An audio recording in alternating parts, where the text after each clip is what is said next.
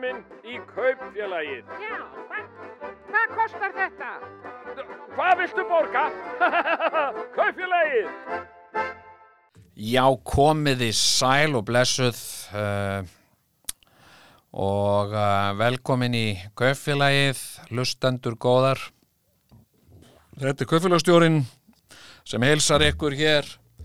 á þessum uh, bjarta en uh, blauta degi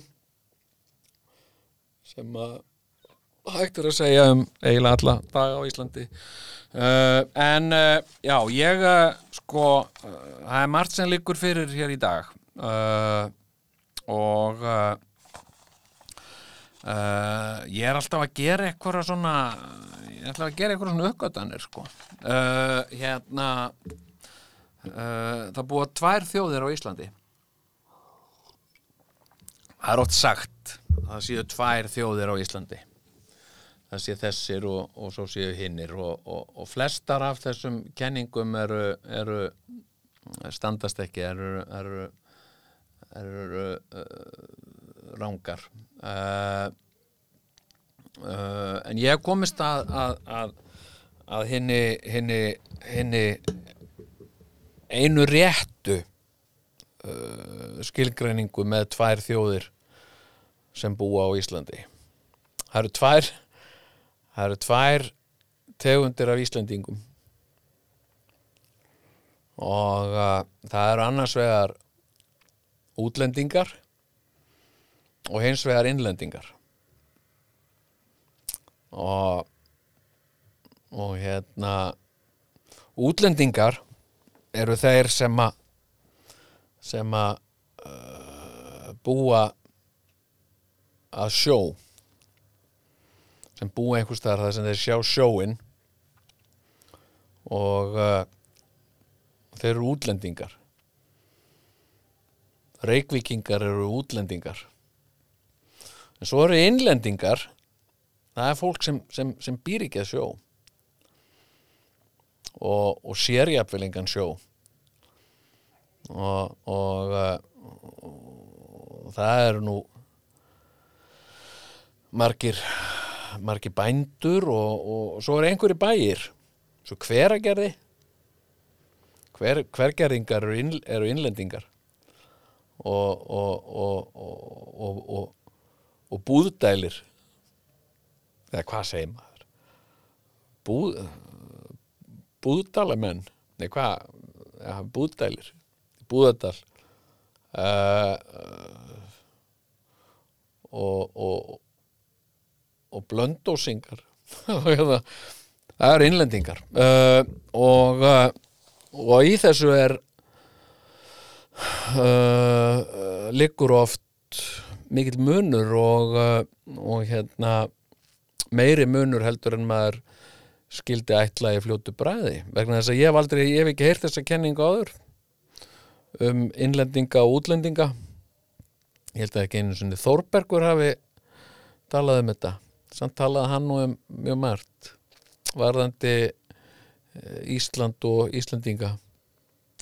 og það var nú ekki allt fallegt sem hann sagði um okkur og sjálfan seg uh, ég hef mikið uh, indi af Þórbergi og mikið vildi ég óska þess að, að Þórbergur væri væri ennþá lifandi og ég geti hitt hann og tala við hann. Uh, og ég hef alltaf alveg frá því ég var bann fundið, fundið til sterkra tengingar við Þórberg. Uh, innlendingar útlendingar. Já en uh, hérna já ég fór sko sko að hugsa um þetta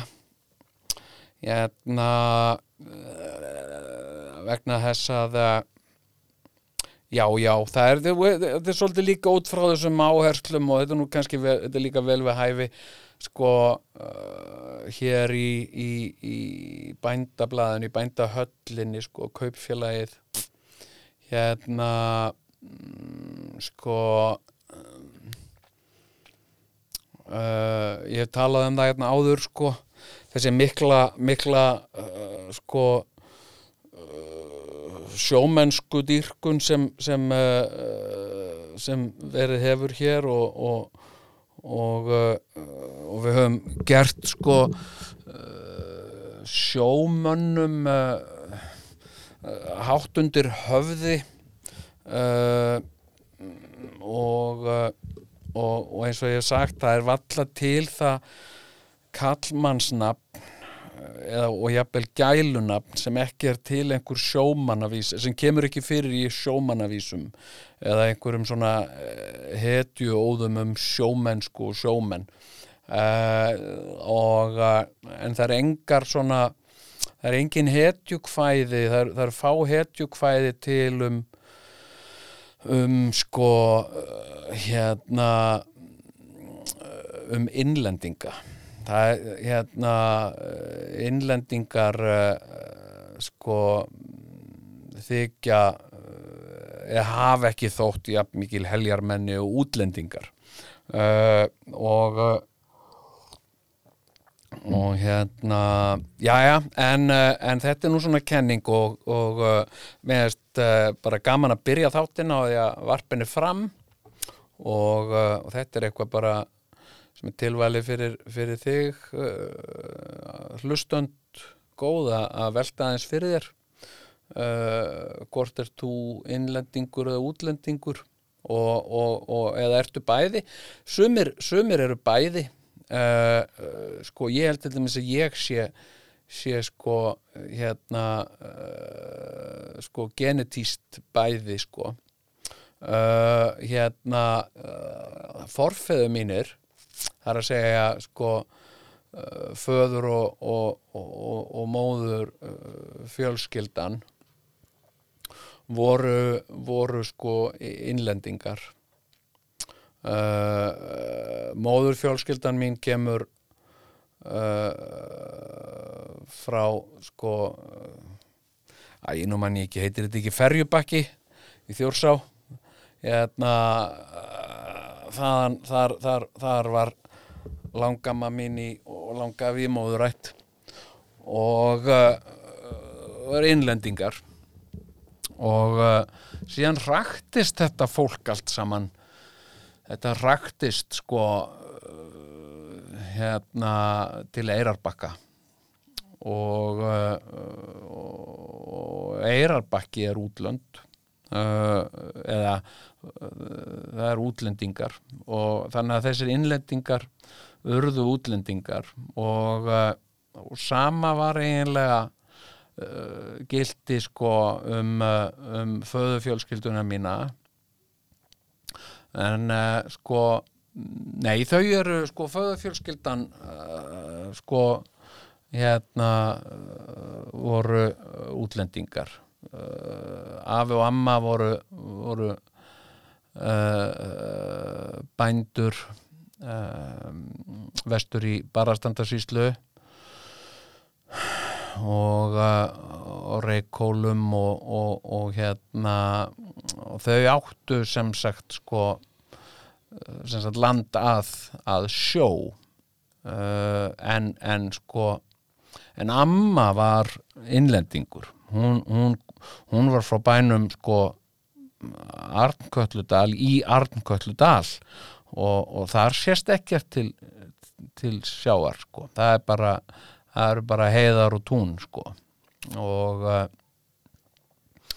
merkilegt innlendingar og útlendingar uh, og ég held að ég held að, að, að sko já uh, ég, hef hitt fólk sem getur ekki hugsa sér að vera neinsta þar sem það sér ekki til sjáar uh, og ég hef aldrei ég, ég vantreist slíku. Ég, ég, ég velti því fyrir mér hvort þetta sé uppgerð bara, tilgerði fólki að verða einhvern veginn að sjá til sjáar hérna og uh, ég veit ekki hvort það er uh, ég veit ekki, mér finnst ég hafa mjög íslenskt eðli sko, ég vil, ég vil helst ekkert uh, ég vil sem minnst vita af ég vil sem minnst vita af, uh, af, af sjónum og, og, og, og, fjöllunum líka. Ég vil helst bara minnst vita af þessu sko. Og hérna að þetta er allt svo, svo hrikalegt. Svo gerði ég aðra mjög hérna hérna uh, sko mjög merkilegt sko hérna uh, mjög merkilega uppgötun ég var að, var að lesa og uh, mm, ég er búin að vera að rýna mikið í, í uppruna mm, íslensku þjóðarinnar og, uh, og, og, og grúska í landnáminu og, og hérna og skoða rannsóknir og mér finnst sko mér finnst merkilegastar sko það hefur náttúrulega verið svo mikill uppgangur sko uh, hérna í, í, í fordleifafræðinni mér finnst vera búin að uh, svo mikill uppgangur og við eigum orðið svo frábæra fræðimenn við eigum orðið svo frábæra fordleifafræðinga og, uh, og svo hefur tækninni fleitt mikið fram og, og hérna fordleifafræðingar eru, eru uh, miklu betur mentaðir heldur en þeir voru hér einu sinni og, og hérna og þeir eru líka betur tækjum búnir og og nú er þetta sko kólefna greina hluti og, og aldursgreina miklu nákvæmar og svona og og, uh, og hérna og ég verða uh, velta mikið fyrir mér líka uh, svona uh, tungumálinu og, og hérna uh, uh, og svona og ég, ég, var að, að átta mig á því. Ég var að, að blaða aðeins í, í hérna í gömlum bókum uh, og uh, og ég verða grú, grúska í landnáma bók og, og hérna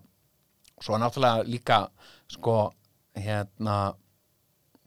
með sko bók eins og, eins og, eins og landnáma bók sem að er bók sem á að sko varpa, varpa ljósi á, á landnámið og, og hérna sko og það eru ímsar, ímsar kenningar uh, um þetta og virtir fræðimenn sem að hafa ímsar, ímsar kenningar um þetta bæði sagfræðingar og, og, og líka uh, fordlefa fræðingar og, og aðrir sko. Sem sagt í hvað tilgangi sagt var, var þessi bók skrifuð og margir vilja meina að hún hafi nú bara sem sagt uh, verið skrifuð í þeim tilgangi að gefa sem uh, sannasta og rétta lýsinga á því hvernig þetta land var numið og af hverjum og, og, af hverju. En síðan sko hafa svona handritafræðingar Uh, sem að eru að grúski því að greina texta og þetta er nú svona handreita fræðin eins og, eins og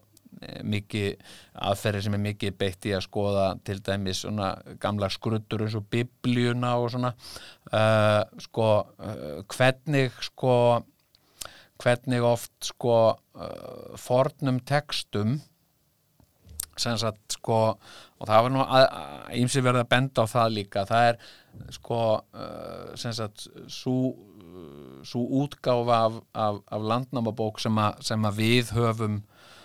í dag er kannski ekki endilega svo landnámabók sem skrifuð var í upphæfi vegna þess að það er búið að umskrifa hana svo oft og oft uh, sko mm, er það gert bara af góðum hug. Að einhver segir, heyrðu þetta er orðið lélegt eintaka þessari merkilegu bók ef við ekki að ef ekki að endur skrifana á, á, á, á hérna í betra, betra format og, og hérna uh, en uh, stundum hefur það líka verið gert vegna þess að þau þurft að breyta þau þurft að hagræða einhverju í henni. Uh, hérna og til þess að ná einhverju ákveðnu fram. Og, og allt er þetta gert sko uh, sko sko sko bókin upprunnulega er skrifuð kannski 300-400 árum eftir landnámið og síðan er búið eiga við við bókina sko hérna uh, mikið eftir það og, og, uh, og svo var náttúrulega hér uh, bara sko menningarbylting og sem að, sem að margir vilja meina og, og, fleiri og fleiri vilja meina hafi verið að mörguleiti algjörlega hræðileg. Hérna og, og, það er hinn svo kallega siðbót eða, eða siðaskipti þegar að við sem sagt eh, hættum að vera kathólsk þjóð um, um 1550 og, og urðum mótmælenda þjóð og, og hérna uh, og það var náttúrulega miklu umfangsmeiri menningarbylting heldur en, heldur en sko við höfum alveg gert okkur grein fyrir. Það, það, var, það var rosa miklu hagrætt í því og uh, margt var, uh, var sko, mörgu var eitt. Og, og, og, og margt var sem sagt uh, bara þakkað niður. Og hérna og þarna var sko í rauninni sko uh, menningar saga okkar að mjög miklu leiti endur skrifuð og, og margt þakkað niður. Við vorum náttúrulega bara kathólsk þjóð og, og heyrðum bara undir, undir sko uh, páfagarð og, og hérna og mörgu, mörgu hefur verið uh, logið og, hérna og það var alltaf margt sem, a, sem að við fengum úr, úr kathólskunni sko, frá páanum og frá uh, Rómarkirkju sem að sem að sem sagt uh, var uh, var sem sagt sko í rauninni tekið þaðan án, án leifis og umskrifað örlítið og síðan látið eins og við höfum fundið upp og hérna mm, og, það, og, og, og þetta hefur náttúrulega ekki allt gerst í upphafi heldur svona á setni tímum og hérna sko og uh,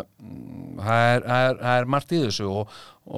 hlutirnir, hlutirnir breytast og hérna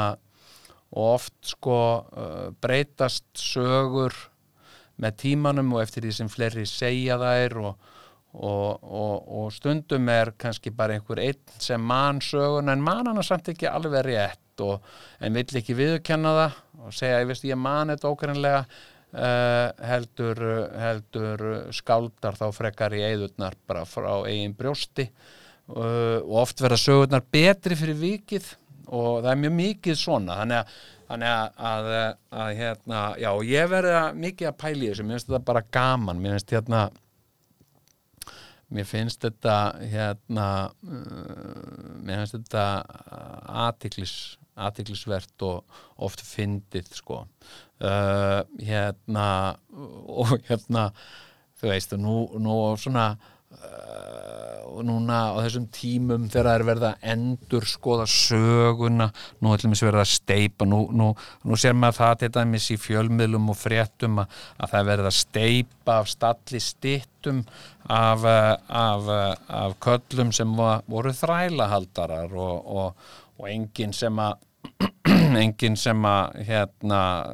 svona, já, enginn, jú, einhverjir en, en, en flestir eru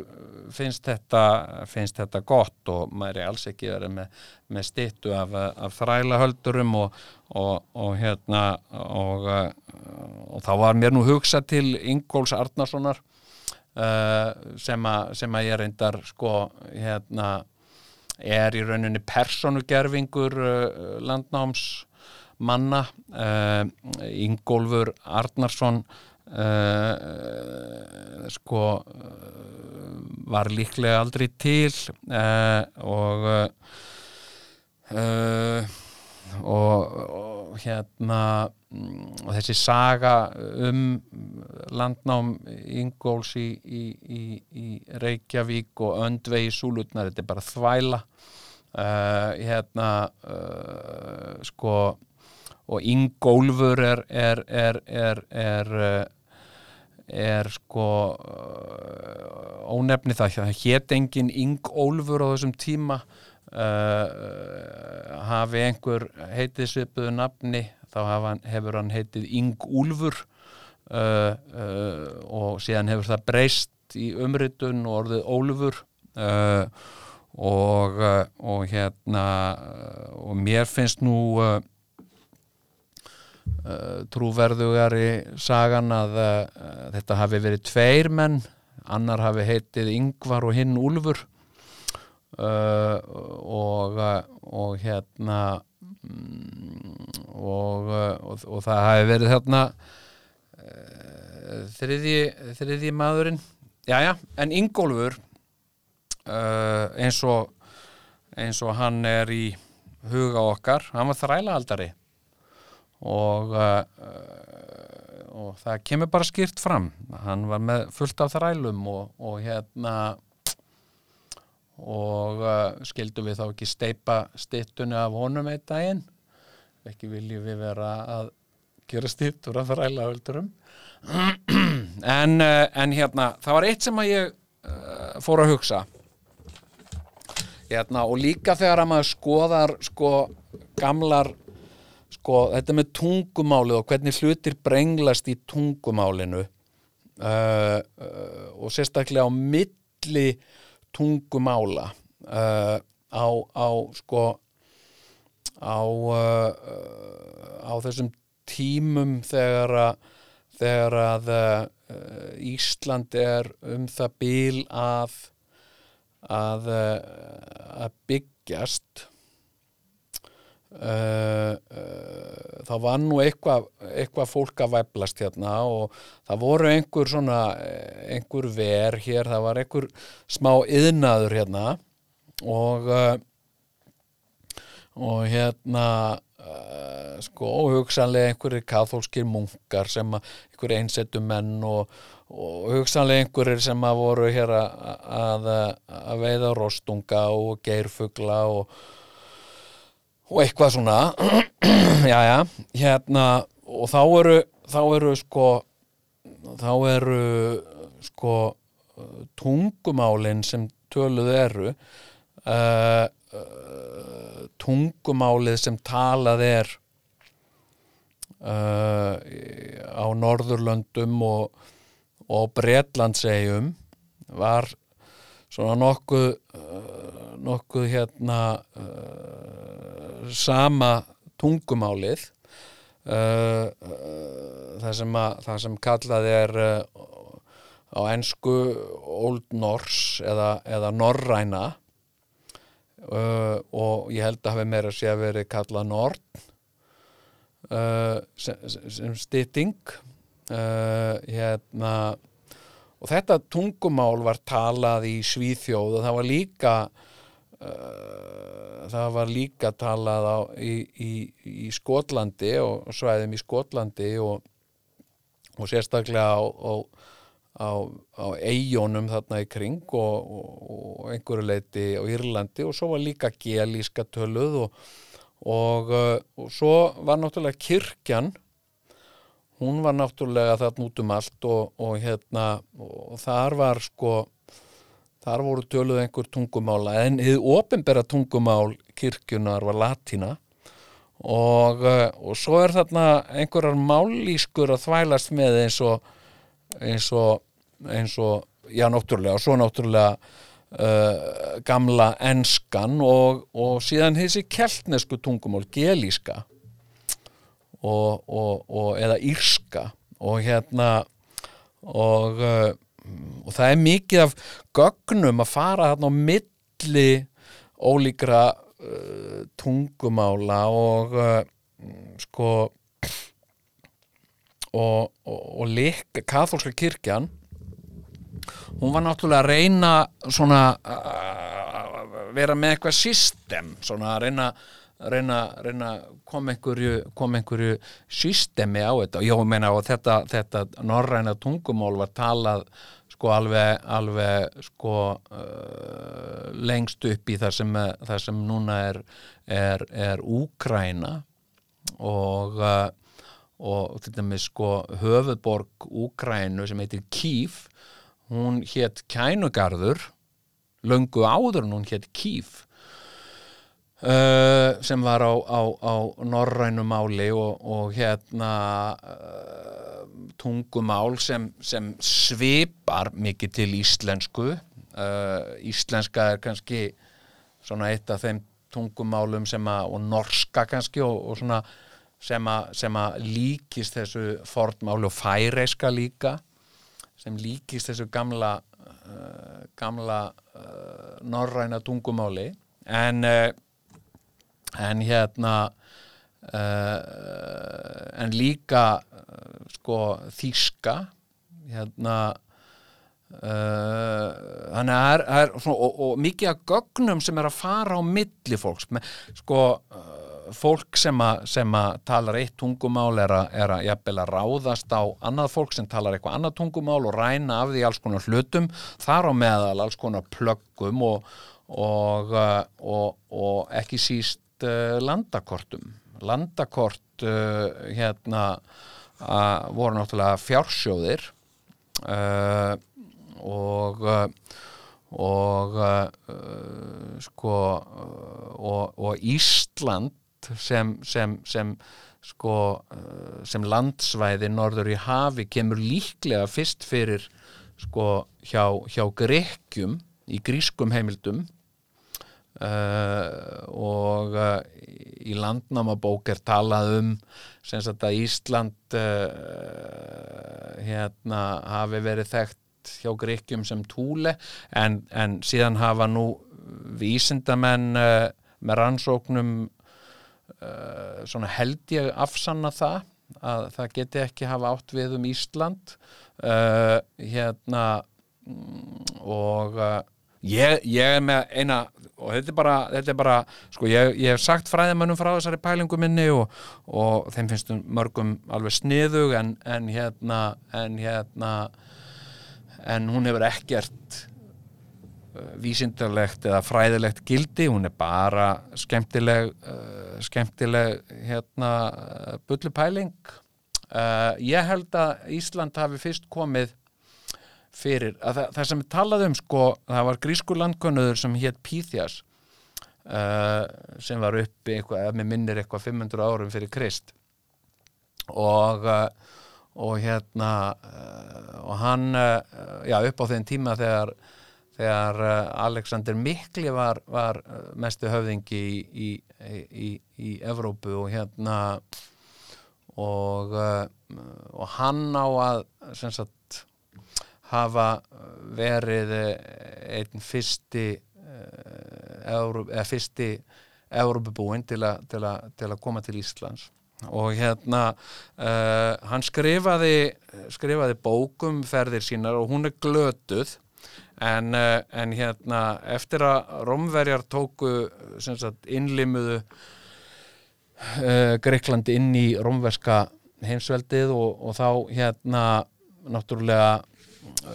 var mikið uh, sagt, af gögnum uh, umrituð úr grísku yfir á, á latínu. Og, og hérna mm, og ég held þetta er bara, þetta er bara pæling. Ég held, sko, það sem að það sem að, það sem að Píþjas segir um, um Ísland eða það sem að maður gæti haldið að vera Ísland og það er sama og og hérna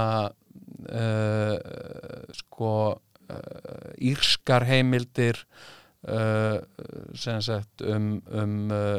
munka sem að sem að sildu til Íslands segja að það sem að kom þeim einna mest óvart var að hvað var, sko við vorum alltaf að koma hérna á sömri til hvað var bjart hérna sagt, allan sólarringin og, og uh, Írarnir tala jafnvel um það að þeir hafi geta sko týnt af sér lís uh, sagt á nóttunni, það verður svo bjart. Og uh, og hérna um, og hérna uh, en ok kenning. Uh, sko ég held að, að Ísland hafi uh, á einhverju forn uh, grísku forn grískri máli, málísku heitið uh, Ísla Día sem að hefur ótt að þýða bara eiga ljósins eða, eða dagseigan Ísla er, er, þá, er þá hérna er þá hérna eiga og día er, er byrta eða dagur uh, eiga dagspyrtunar, Ísla día síðan þegar Rómverjar uh, innlima uh, Greikland inn í Rómaveldi. Þá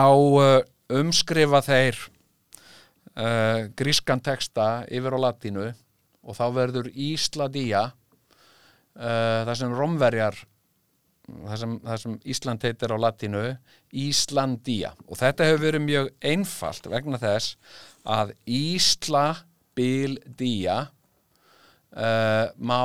auðveldlega breyta með því að bæta bara enni inn í. Íslandía og það, það, það hérna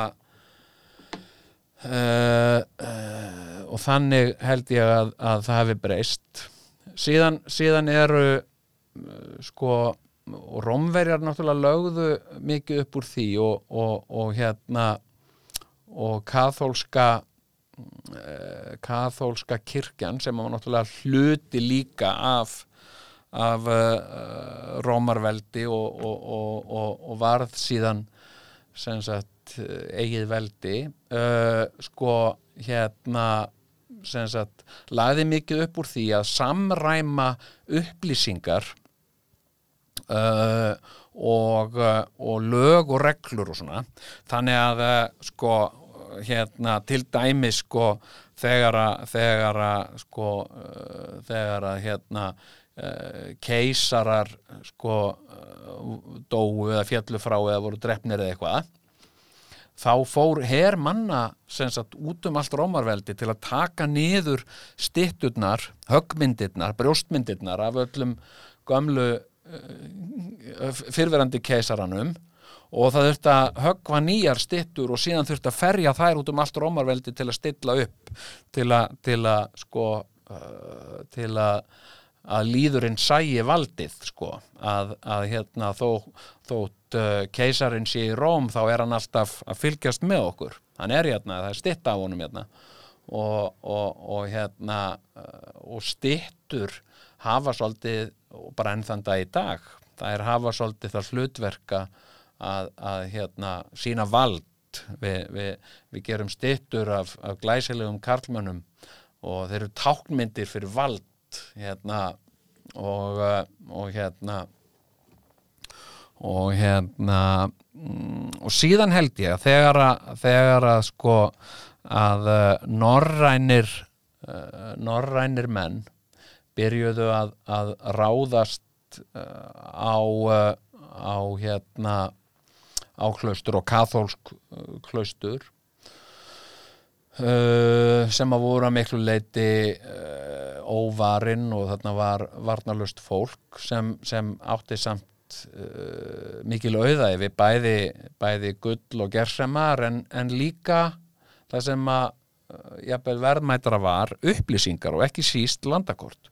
Og þar hafi norrænir menn séð uh, uh, eigu lengst norður í hafi sem hétt Íslandía og uh, fyrir þeim sem, að, sem talaði norrænu eða, eða sagt forn íslensku eða hvað maður vil kalla það Old Norse eða hvað þetta kallað þetta tungumál þá hafði Íslandía enga sérstaka merkingu uh, uh, en uh, hérna en með því að bara strika yfir ía þá var þetta Ísland. Og, og hérna kemur mér ekkert og óvart á þetta að vera rétt en þetta er, þetta er ekki stutt neinum fræðilegum rökum og, og hérna þetta er bara bara uh, þetta er bara svona uh, dilla í kollinum á mér. Uh, Ísladía verður Íslandía sem verður séðan Ísland. Og, uh, og þetta hafi aldrei haft nokkurt skapaðan hlut með, með, með ís að gera. Hérna og uh, hérna til dæmis sko uh, á, á, í ítölsku og, og hérna uh, frönsku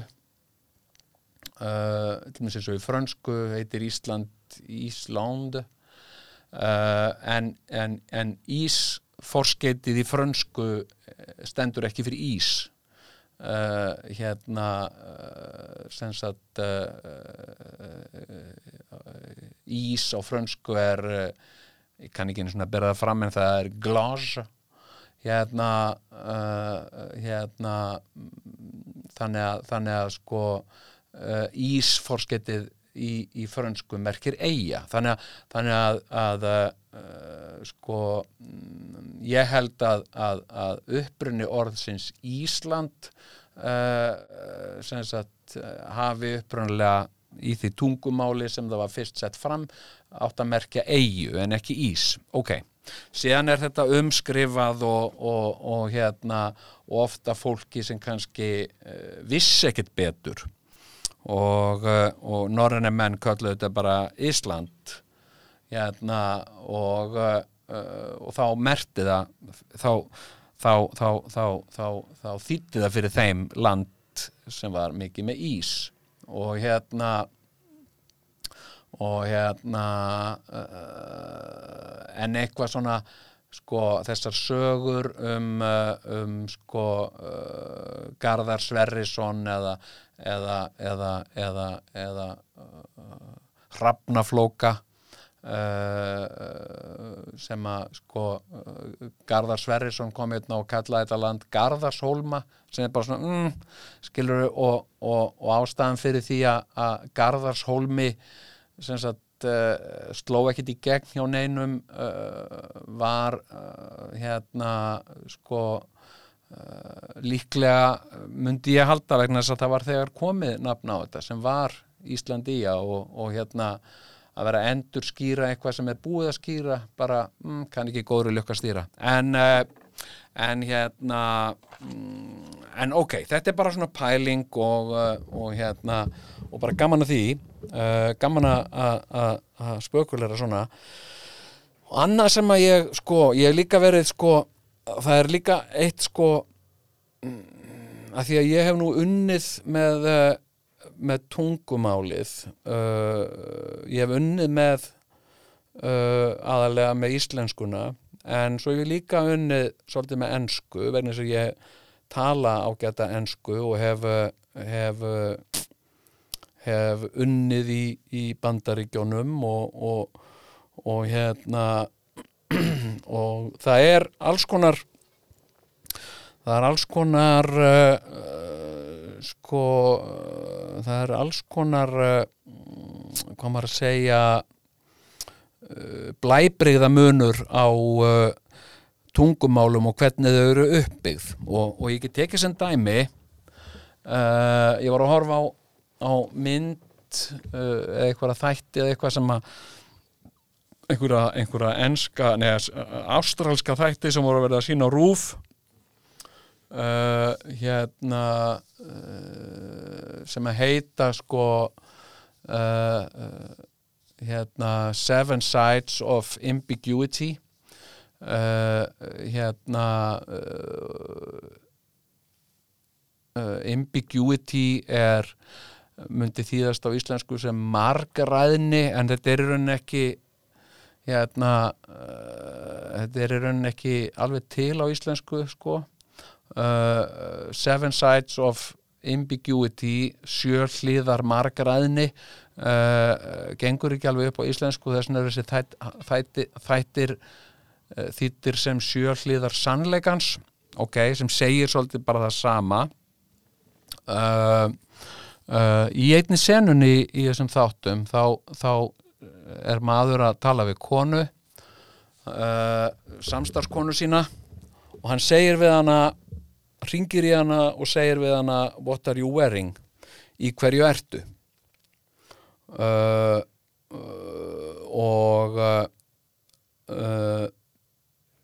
og hérna og þetta er þýtt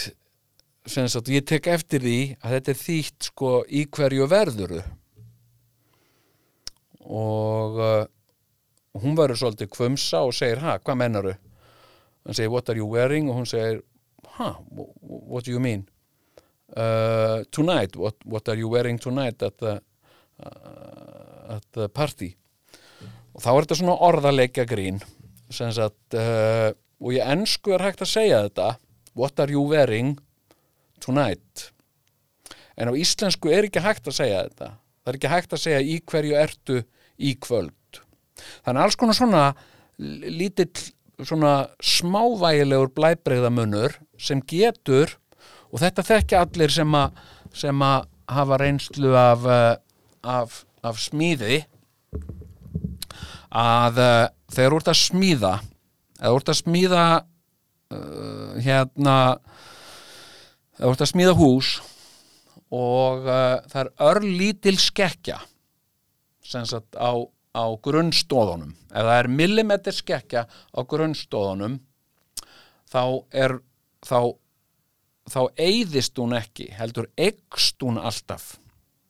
Og uh, ef þú ert að byggja uh, bjálkahús og leggur grunnstóðir og það er, það er hérna millimetri skekkja á því. Þegar hún leggur næsta umgang þá komin tveggja millimetri skekkja. Því að skekkjan ykst alltaf og, ég, og, og sama lögmál gildir svolítið í, í, í tungumáli mjög oft. Uh, það er að segja að, að skekkja fer vaksandi og, uh, og þess vegna verður verður sko uh, yngvar og úlfur uh, breytist í einn mann sem heitir yngúlfur sem breytist síðan aftur í, í mann sem heitir yngólfur uh, og þetta verður alltaf sagt, meiri og meiri skekkja eftir því sem, sem, sem, sem bættir ofan á. Og, uh, og hérna og síðan er fólk náttúrulega uh, mis, uh, mis stert í, í tungumálum og, uh, og ég get nefnt annað dæmi sem ég finnst mjög aðteglisvert sko, að því að ég hef sagt, uh, verið uh, sem sagt, tvö mismunandi tímabil tvö tilfelli þá hef ég sagt, dvalið vetralangt í bandaríkjónum í Texas. Og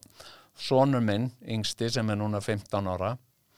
uh, hann hefur uh, gengið í skóla í bandaríkjónum og, uh, og hérna og talar uh, talar hérna uh, hérna rosalega góða ensku uh, og og hérna mm, en hann er tvítingdur hann talar alveg opbóstlega góða ensku og, og hérna og meira að segja með svona Texas reym, hann talar svona söðuríkja bandarísku uh, og segir jál og, og hérna og kallar corner ma'am og, og svona. Uh, hérna og uh, honum gengur stundum illa að sko að raða saman þessum tveimur tungumálum vegna þess að, uppbyggingin í þeim eins og okkur finnst þau nú svona svona jafnvík enskan og íslenskan að því að við flestir íslendingar erum, erum tvítingt að þýleiti við tölum, tölum uh, íslensku og einhverju ensku. Uh, einu sinni hann var, að, hann var að selja einhvern ból hann var að selja einhverjum strák einhvern ból og uh, og þetta var fyrir nokkrum árum og hérna og hann baði mig hann var einhver, einhver strákur á, á, á, á Instagram sem ætlaði að kaupa af honum einhvern forláta ból og og hann baði mig um að skutla sér að því að hann treysti þessum strák ekki. Var, hann var eldri strákur en hann og þannig að ég fór með honum og, og og við ætluðum að hittast í mjóttinni eða þeir ætluðu að hittast í mjóttinni og, hann var í einhverju sambandi við strákin í gegnum samfélagsmiðla og svo þurfum við komið með mjóttina þá var strákurinn ekki þar. Og, uh, og spurði spurði svon minn hérna, býtu af hverju ertu af hver, hver er með þér? Og, og, og, og nonni minn sagði pappi minn er að keira mig og, hérna já ok, hittu mig frekar í skóginum hérna frá að vann uh, frá að vann Kongsbakkan við bökkunum og, hérna og við keirðum þangað og þar var strákurinn ekkert sínilegur og uh, á endanum uh, gafst sonum minn upp á þessu og, og hérna sagði, nei við skulum bara ég, ég vil ekki vera að gera þetta við skulum bara fara aftur heim og ok, ekkert mál. Og hann sagði já, ég held bara sko, ég segi hvað hva er í gangi? Okkur kemur strákurinn ekki að hitta þig? Og hann sagði ég held að hann hafi bara alltaf að ræna mér sko. og hérna og hérna ræna þér? og hérna já og okkur heldur hann alltaf að ræna þér? Bara, þú veist uh, fá bólinn en borga ekkert fyrir hann. Og ég sagði já, ok sagt, þá var hann að hugsa á ensku rob me. He was gonna rob me.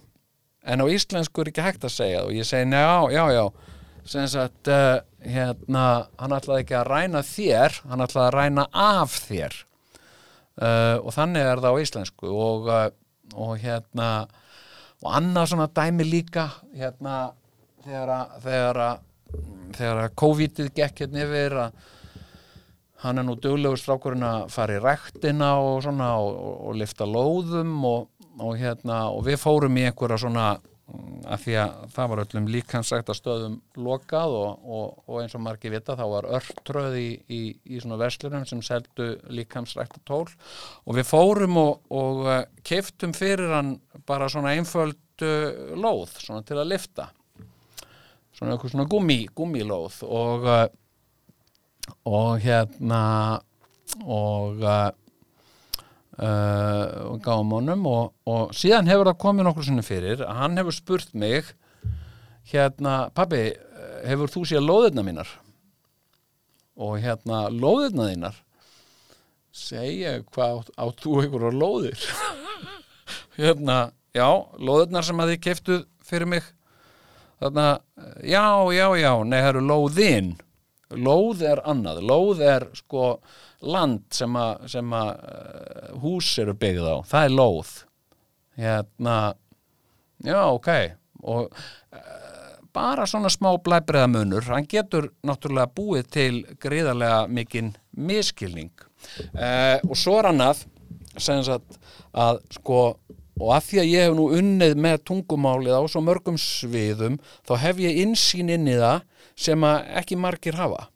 sem ekki öllum er gefið ekki, ekki öllum er gefin. Ég hef insýn inn í ég hef þrývíða insýn inn í tungumálið og uh, uh, og þetta skilja ekkert allir. Uh, hérna uh, og að því ég er rithöfundur og ég hef uh, unni mikið með, með, með skrifamál og uh, rithöfundar uh, sko margir skilja ekki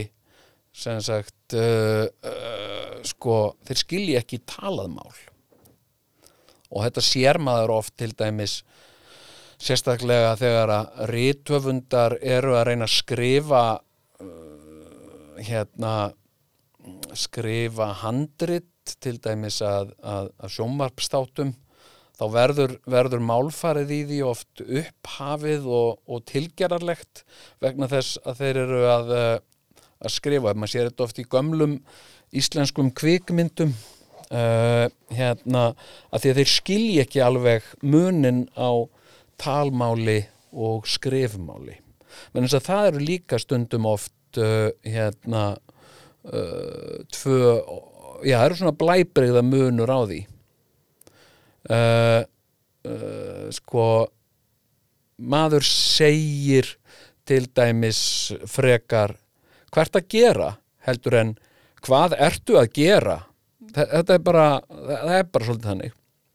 Uh, hvert að gera? Það er eðlilega að segja það heldur en hvað ertu að gera. Og, uh, og þetta sér maður oft í, í, í leikhúsinu. Uh, og þetta er bara því að fólk hefur ekki reynslu af því að vinna með, með báðar þessar hlýðar tungumálsins. Og ég hef það. Ég hef unnið svo mikið með talað mál uh, en ég hef líka unnið mikið með skrifað mál og ég hef náð leikni í að samræma þetta tvent uh, og, og til mis flytja skrifaðan texta sem sem hérna uh, gjaldgengt uh, talmál. Uh, og uh, og þar í talmáli þar maður ofta gera hluti sem ganga ekki upp í skrifmáli. Uh, vegna þess að stundum þegar að skrifmál og þetta sé ég oft hjá rítöfundum þegar að rítöfundar eru að, að, að reyna að skrifa samræður að þá eru þeir oft þá fara þeir svona offari og þá verða skrifuðu samræðurnar stundum svona eins og, eins og eitthvað svona sem að uh, einhver svona uh, málfarsleikir á mjólkurfernum sem að, sem að hérna, uh, hérna hei, kottu, það er hljónstrang uh, það er hljóms, komdu, það er hljómsveitaræfing. Kottu, það er hljónstrang og þetta verður oft bara eða fyrir mér verður oft svolítið kjánalegt. En, en hérna við verðum að aðtuga það að, að réttmálið líka réttmálið uh, hérna í kringum landnámið það var náttúrulega mjög víða uh, rúnir og, uh, og hérna og, og rúnaletur og hljóðmyndin af rúnum uh, er bara algjörlega uh, heimur út af fyrir sig. Og það er svo merkilegt að, að nafnið Ísland, orðið hinn uh, elsta varðveita ritaða heimild þar sem Ísland kemur fyrir er á rúnum. Það er á rúnasteini sem er, sem er í Gotlandi sem er eiga uh, uh, rétt hjá Stokkólmi í Svíþjóð. Og uh, og hérna það eru tveir menn sem eru bara krota og sandstein uh, að segja að þeir hafi, meðal, þeir hafi komið til nokkur að landa og þar á meðal Íslands. Og þar kemur Ísland fyrst fyrir og það kemur fyrir í, í, í, á, á rúnum. Uh, elsta uh, ritaða heimild um Ísland og, og þetta er talið vera frá því eitthvað staðar í kringum árið þúsund. Uh, en ok, allt í lagi. Hérna, það sem ég ætlaði að segja hérna samt var hérna var, sko, ég var að hugsa ég var að lesa og uh, glugga og uh, það nefni Halldór uh, hérna og Halldór sem er íslenskt uh, kallmannsnafn eða Halldóra sem er íslenskt kvennmannsnafn uh, og ég held og mér sýnist að það hafi verið uh, tvær gerðir af þessu nafni í, í, í árdaga. Uh, annars vegar sagt Halldór og Halur er, er formt orði yfir, yfir mann sem sagt Haldór og, uh, og síðan Halldór þetta er ekkert vísindalegt þetta er bara mín, mín álíktun eftir grúsk. Uh, sem sagt og þetta hefur jafnvel verið uh, hérna í uh, tveimur tengdum en ólíkum mál heimum uh, kannski annars vegar í, í Svíþjóð og, og, og hins vegar á Bretlandsegum uh, og uh, en á Íslandi og íslensku hafi síðan þessi tvö kallmannsnöfn Haldór og Halldór runnið saman í eitt þar sem það er skrifað sem Halldór uh, en borið fram sem Haldór þetta er ekki merkilegt. Hérna og uh, og hérna svona finnst mér voða gaman að spökular í. Svona hérna og þetta er algjörlega sko þetta er bara til dagra stýttingar sko. þetta er ekkit, þetta er ekkit þetta er ekkit gildi, þetta breytir engu sko. Uh, hérna, hérna nema þetta er bara eitthvað eitthvað svona uh, fyndið sko uh, en hérna en ég er búin að skrifa niður alveg rosalega mikið af uh, af hérna ég er búin að skrifa niður mikið af svona stikkorðum fyrir hluti sem ég langaði til þess að tala um við ykkur núna í þessum þætti. Og, uh, og hérna og mér finnst ég eiga það skilið að því að ég var svo ég var svo daufur í síðasta þætti að því ég er svo lasin og ég er ennþá að díla við þetta sko en hérna, ég ber mér samt vel að því er komin á heljarmennum uh, en hérna sko, eitt sem langar hérna, ég sem sagt þurft að fara í í hérna uh, hérna, ég get nú pyrrað mig endalaust yfir yfir skipulagi og sérstaklega fúsk skipulagi og, og hérna uh, uh, smiðjukverfi uh, hérna og, anna, og, og, og eitt sem að ég, ég, ég hérna, svona skíl ekki varandi skipulag. Hérna, ef maður fer yfir sko, ég verða að fara svolítið um uh, um borgina á, á, á rafnúnu hlaupahjóli og, og hérna minnst það mjög ánægilegt og ég er oft uh, uh, fljótari heldur en ef ég færi keirandi og ég ágættan bíl og, og hérna sem ég nýtt þess að keira en ég er bara oft fljótari að fara á hlaupahjólinu mínu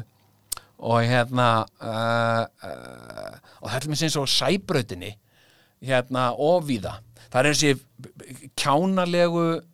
umferðaljós gönguljós það sem að, það sem að sko maður kemur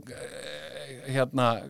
grætt kall á mann sem að maður fer yfir halva götuna og svo stendur maður eins og hálfviti að því það er rauktljós hinum einn og maður þarf að standa eins og hálfviti á miðri umferðareyju uh, í heilangan tíma þángat til að kemur græntljós þangað. Og það er ykkur hlið og eitthvað og maður þarf að skrönglast þarna og svo stendur maður eins og hálfviti þarna í jafnvel í ykkur hundleðinlegu veðri út á, á umferðarei og hver skipuleggur svona? Hvað hva, hva hugsun er þarna baki? Já, ég ímynda mér að hugsun á bakvið þetta sé ok, ef eitthvað fólk vil vera að fara þarna yfir, þá skulum við reyna að gera það eins óþægilegt og sennlegt fyrir það og við mögulega getum þannig að fólk svona uh, uh, hérna veigri sér við að, að vera að fara að lappa þetta heldur keiri þetta freka bara af því það er auðveldara. Uh, það er einhver slík hugsun hann á baka, þetta er ekki til þess að liðka fyrir og gera þetta þægilegt og hérna og uh, svo stendum að þarna eins og hálfviti og, og fólk sem er að hérna að býða þarna á, á, á ljós sem getur gláft á mann og, og hérna uh, og hérna þetta er bara bjánalegt og, og, svona svo margt skipulegt og mér leiðist fátt, mér leiðist hérna uh, fátt meira heldur en, heldur, en, heldur en kerfi og sérstaklega illa skipulögð kerfi. Það fyrir ekkert meira í töðarnar og meira en illa skipulögð kerfi uh, uh, og svona fúsk stjórnsísla hérna og og hérna, já, ég, ég þurfti að fara í, í, í smiðjukverfi með, með keðjusög til að fara í bríningu og þetta var eitthvað smiðjuvegur 11 og uh, til að vera alveg vissum að komast á réttan stað þá sett ég þetta í Google Maps í símanum mínum og let bara uh, Google uh, leiða mig áfram. Og uh, smiðjukverfið er náttúrulega uh, verst skipulegða hverfi bara held ég á öllum Norðurlöndum. Uh, hérna, það kemst ekki einu sinni með sko, sko skeifan kemst ekki einu sinni með sko tætnar þar sem að, að smíu hverfið með hælana í lélegu skipulagi. Uh, það er ekki nokkur einasta leið að komast uh, leiðarsinnar hérna á þess að fara einhverja langar krókaleðir uh, og og hérna og meira segja Google sem er fullkomnasti vegvísir sem fundin hefur verið upp í mannkinsögunni meira sé að Google skilur ekki smíðukverfið. Google kom mér ekki á réttan stað. Uh, Google kom mér á smiðjuveg 11 en að því að, að því að þetta er hverfi sem er er skipulagt og ég hugsa ok, það hefur drukkin maður sem hefur skipulagt þetta? Nei, ég, ég hallast frekar að því að það hafi verið þrýr langdruknir menn sem hafi, hafi sko skipalagt smiðjukverfi vegna þess að þetta er ekki bara sko smiðjuvegur 11 heldur er þetta smiðjuvegur 11 rauðgata. Mér er að segja Google skilur ekki svona bull. Og ég hef bent á það áður að- að bull í, í, og þvæla í, í íslensku gatnaskipulagi eins og að kalla götur suðurgötu, veist, þetta er bara já, við skýrum götuna suðurgötu að því hún liggur í suður. Já, en þá liggur hún líka í norður. Þá ætti hún að heita suðurgata í annan endan og norður norðurgata í hinn endan, veist, þetta er bara bull að kalla götu eh, eftir höfuðátt. Hérna uh, já, þetta eh, svona, svona, svona uh, pyrrar mig alveg óstjórnlega mikið. En uh, uh, það er búin að vera mikil mikil umræða og það er búið að þú veist hérna ganga mikið á í út af út af mm, morði hérna það sem að, það sem að uh, lögreglu þjónar eða, já, lögreglu þjónn í Minneapolis uh, varð valdur að dauða uh, svartsmanns og, og hérna og þetta er náttúrulega eitthvað sem er búið að viðgangast í bandaríkjónum og víðar. Að það er svona uh, kerfisleg mismunun á, uh, á, á sagt á kynþáttum. Þar, og sérstaklega sagt gegn uh, svörtum í svörtu fólki í bandaríkjónum og hérna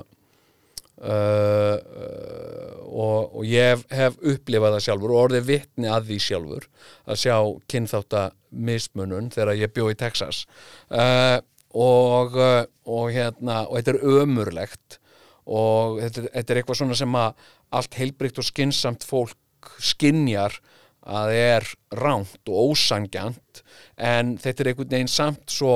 e, samansúrrað inn í kerfið að það er erfitt að uppræta þetta. Og þetta, þetta, þetta á sér margar, margar hliðar og, og hérna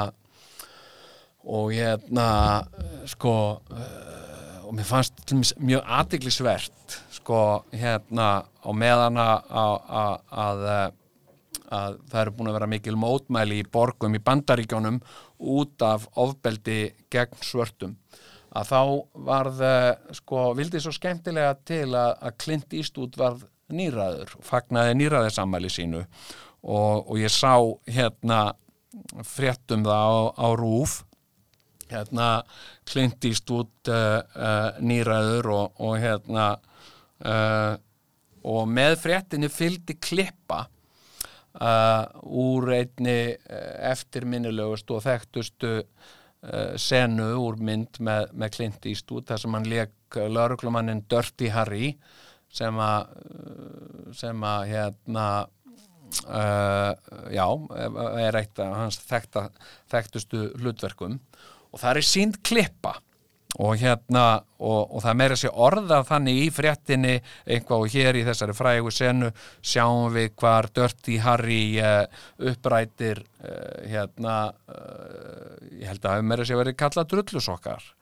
Hérna, jájá hérna, eða illmenni eða eitthvað svo leiðis og senan er einfallega þannig að, að Dirty Harry það er eitthvað, það er eitthvað í gangi. Það er, það er aðvörunarbjöllur, það er verið að fremja bankarán og Dirty Harry er þarna eitthvað, hann veit ekki alveg hvað er að gerast, hann sér þetta úr fjarlægð. Og það er umferðaröngþveiti og, uh, og, og fólk kemur uh, skelfingulostið uh, hlaupandi út úr bankanum. Og Dirty Harry uh, horfir á þetta og, og, setur í brýrnar og yklir sig aðeins. "Rrr, hvað er í gangi hérna uh, uh, kemur hlaupandi svartur maður út úr bankanum og Dirty Harry skýtur hann umsvegalöst og, uh, og hérna á augabræði hann þarf ekkert að hann þarf ekkert að tala við hann hann þarf ekkert að fá staðfestingu á því að þessi maður sé bankaræningin, það er nóg fyrir hann að sjá hann er svartur og þá er hann mjög líklega bankaræningin og, uh, út koma svartir menn hlaupandi og hver einasti svarti maður sem kemur hlaupandi út úr bankanum er skotin af Dirty Harry og það endar á því að hann, uh, hann uh, sem sagt uh, yfirbugar svartan mann sem liggur á, á göttunni og, og er að einhvað að hugsa um að tegja sig í byssuna sína og uh, Dirty Harry segir um að hann sé með kraftmestu skambissu í heimi eh, og uh, hún taki sex skot í magasín en nú reið, uh, sko, reyni á hvort hann hafi talið rétt. Er hann búinn að skjóta uh, fimm sinnum eða er hann búinn að skjóta sex sinnum? Uh, uh, og er maðurinn nógu klár til að hafa talið rétt? Uh, og, uh, og þá segir hann þessa frægu setningu Do you feel lucky punk? Uh, uh, og þetta er svo merkilegt. Mér finnst þetta svo merkilegt að veist, þetta sýnir svo vel hvað þetta er saman surrað inn í allt saman. Og okkur finnst eðlilegt sem sagt að sína bara svona á léttum nótum sem sagt eh, mitt í sem sagt eh, miklum kynþátta ó, óerðum sem að eru að tegja sig út um allan heim uh, að okkur finnist í lægi og það bara svona skauti svolítið fram hjá okkur að sína senu úr bíómynd í svona, já, glettilegu ljósi þar sem að uh, þar sem að lauruglumadur, að því að Clint Eastwood leikur þarna lauruglumann sem uh, drepur uh, uh, uh, sva, ekki bara einn heldur flerri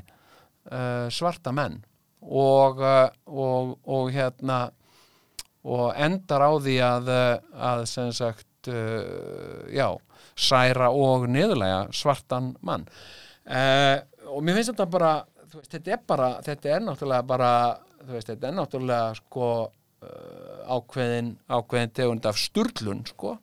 uh, en, uh, en hérna og ég, ég hef sko uh, velt fyrir mér líka sko hérna uh, sko orðanótkuninni ég tek eftir því að og ég svona, þú veist, ég hérna mér finnst í rauninni ég, ég, ég, hlakka til þegar að, þegar að sko menningin okkar og tungumálin okkar gera ekki greinarmun á fólki eftir kynþætti.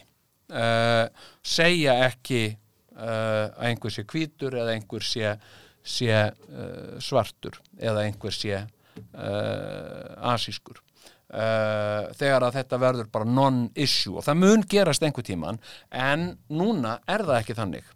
Og, og þetta er líka hlutur sem að sem að sko þarf oft að tiltaka sérstaklega þegar uh, um skrifað mál er að ræða. Og, uh, og, og bara þegar að, þegar að dæmis, ég segi sögu til dæmis af því þegar ég fór í bíltúr með vinnum mínum uh, hérna uh, í Bandaríkjónum í Texas hérna sem sagt hjón hún er hvít og uh, hann er svartur. Uh, og, uh, og hérna uh, og hann kemur uh, sagt upprunalega til bandaríkjana frá Eþjópíu, jæja. Uh, og og hérna þau þau hérna fórum með okkur, böð okkur í bíltúr aðeins út fyrir Houston og aðeins út í, upp í sveitina í Texas og, uh, og þar er bara uh, mjög uh, víða mjög alvarlegur rasismi. Þar verða svartir uh, gjarnan fyrir ónæði og aðkasti og uh, og við til dæmis uh, ég stakk upp að við færum á einhvern ákveðin veitingastað í bæ sem að mér langaði að tjekka á og hún sagði nei við getum það ekki hérna, þau sögðu, nei við getum það ekki út af, út af honum að því hann er svartur. Og hérna og ég sagði, wow, byrju að því að, að því að þú ert svartur og, og menna uh, hvað hva, hva myndi gerast? Já, hún sagði, það myndi ekkit gerast en við myndum bara ekki fána hennar þjónust, það myndi engin þjótt koma að borðin okkar. Þetta er bara svona raunveruleiki sem fólk býr við uh, hérna, já ok. Og síðan, síðan þegar að leiða á ferðina vegna þess að, að, að oft þegar við vorum á ferðinni þetta eru góði vinnur okkar oft þegar við vorum á ferðinni eins og í Houston þá var það mjög gjartan þannig að hann keirði og, uh, og hún talaði og var að benda okkur á. Hún er mjög fróðum sögu Houston uh, sögu bygginga og hvað eitthvað gerðist og svo framvegis. Þannig að, að, að, að oft þegar við vorum að keira um Houston og þá var hún að segja, þá var hann að keira og hún var að tala og tala og sné, við sátum aftur í og hún sneri sér á okkur og var að segja sko gatan sem við kerum niður núna þetta er gatan sem að bla bla bla bla bla, bla alls konar. Og uh, síðan þarna þegar við vorum að keira og við stoppuðum einhver staðar til þess að skoða eitthvað fallegan útsýnistað svo komum við aftur á bílnum og þá sagði hún já er ekki betra, er ekki, er ekki hérna, betra að ég keiri restina? Jú, það er örgulega best, sagði hann og ég kváði og bara nú, af hverju er það best? Og hún sagði, að ég bara út af honum að því hann er svartur. Og hérna, og ég sagði, ok, er, er, væri það vandamál? Já, hérna sagt, svartur maður að keira uh, það þýðir bara ónæði af hendi lauruglunar löggan myndi bara alltaf vera að stoppa okkur eitthvað svona, ok. Og hérna uh, og í þessu samhengi er nöðsynlegt til þess að geta sagt þess að sögu þá verður það að koma fram að vinnum minn er svartur. Ég, það, það, það er ekkert hægt að segja þess að sögu öðruvísi vegna þess að þetta er sá raunveruleiki sem við búum við. Þó að það verði vonandi í framtíðinni þannig að þetta verði non-issue að, að það að vera uh, vera uh, sagt, með, með, með dökkan húðlitt uh, sé ekkert öðruvísi en að vera bara með raukt hár eða eitthvað, það bara skipti einhver stóru máli. En, en hérna og sko og það er náttúrulega, þú veist það er, uh, það er búið að fara uh, sko margar leiðir til þess að að finna réttu orðin til að nota yfir þetta og í bandaríkjánum uh, er, er uh, gjarnan uh, sagt talað um uh, um, eða var sagt talað um African American og sagt yfir svarta og, og hérna uh, og það gengur upp að ákveðinu leitin ekki öllu uh, vegna þess að, að sko þegar það er orðið orðið sem þú notar yfir svart fólk að það sé African American uh, þegar að þú ert að fjallum fólk sem er ekki Amerikanar en er svart og, og hérna og það var verið að gera það til dæmis í, í bandaríkjónum, í bandarískum fjölmiðlum, þá var verið að tala um, um sagt, uh, svarta uh, breyta og kallað á African American. Sagt, og þetta náttúrulega gengur ekki upp að þetta, þetta er bara bull. Og, og mér sýnist svona flestir sko svartir bandaríkjaman sem sagt kjósa og mér sýnist það að vera hérna, orðið sem að, sem að flestir kjósa að nota, það er bara black. Uh, og samanber Black Lives Matter. Uh, og og, og ég skil ekki alveg af hverju við getum ekki nota þetta orð á íslensku, mér finnst það bara eðlilegt að segja sem sagt bara, þú veist, ég segi vinnu minn er svartur, ég segi ekki mér, mér finnst ekki eðlilegt að segja að vinnu minn sé blökkumadur uh, hérna og ég sé að það er svolítið svona orð sem að uh, fjölmiðlar er að nota uh, og ég teki eftir því á rúf að það er einhvern veginn svona það er einhvern svona pólitíst réttirði að segja blökkumenn og minnst blökkumenn minnst það svona tilgeralegt finnst þetta svona eins og að segja hommi sé kynkverfur eða svona, mér finnst þetta svona þetta er eitthvað svona orð sem að er búið til á fundi uh, hérna af alveg ofbóstlega kvítu fólki og, hérna og og mér finnst sko hérna mér finnst það sko hérna mér finnst það bara eðlilegt og, og hérna uh, hérna uh, sko, þú veist alveg eins og við segjum, við segjum sko uh, uh, til dæmis annar kynþáttur sem er gyðingar við segjum bara það, við þurfum ekki að búa til neitt uh, uh, það var ekki að setja neitt fund það sem er ákveðið að búa til eitthvað nýtt orði við gyðinga. Gyðingar eru bara gyðingar og, uh, og svartir eru bara svartir uh, finnst mér. Og, og mér finnst þetta svipað þú veist, mér finnst svona mér finnst það líkta vandraðagangi að því að fólk á erfitt með að, að tala um þetta og það vill ekki móðga eða særa og ég skil það alveg vel. Þannig að þetta verður svona uh, vandræðagangur á þessu. Og, uh, og hérna Uh, og þetta er eitthvað sem að mér finnst svipa mjög til umræðu sem að, sem að ég er alveg mjög mikið upp við. Uh, það er þegar að vera að tala um kynfæri fólks uh, hérna sem sagt sko uh, sem sagt uh, að kalla, kalla tippi lim hérna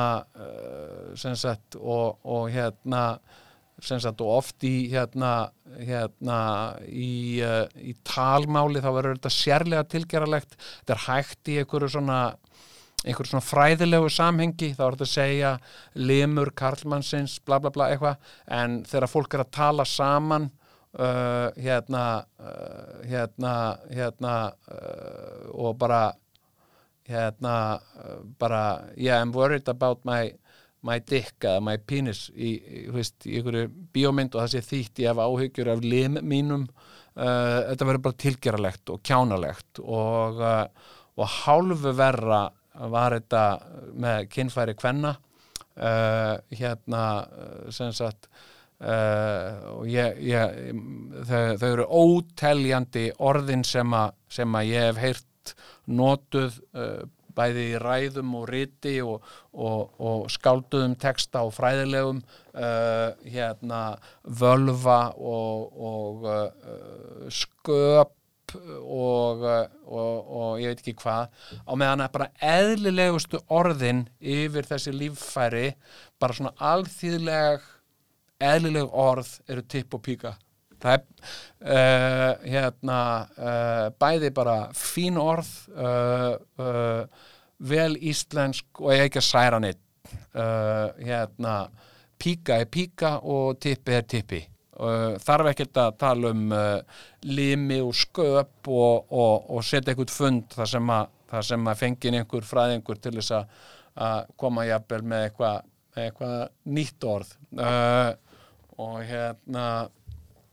Uh, uh, já, ég man mér að sé eftir ég man mér að sé eftir sko einni bók sem að ég las einhvern tímann bara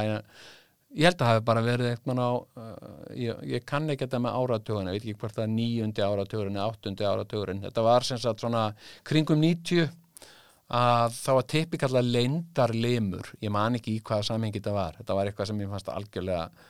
fáranlegt og, og, og mér, finnst, mér finnst þetta að ég veit ekki, hérna þú veist, að segja einhver sé uh, uh, sko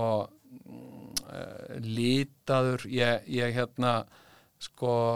þú veist, það á við að einhverju ákveðnu leiti sko.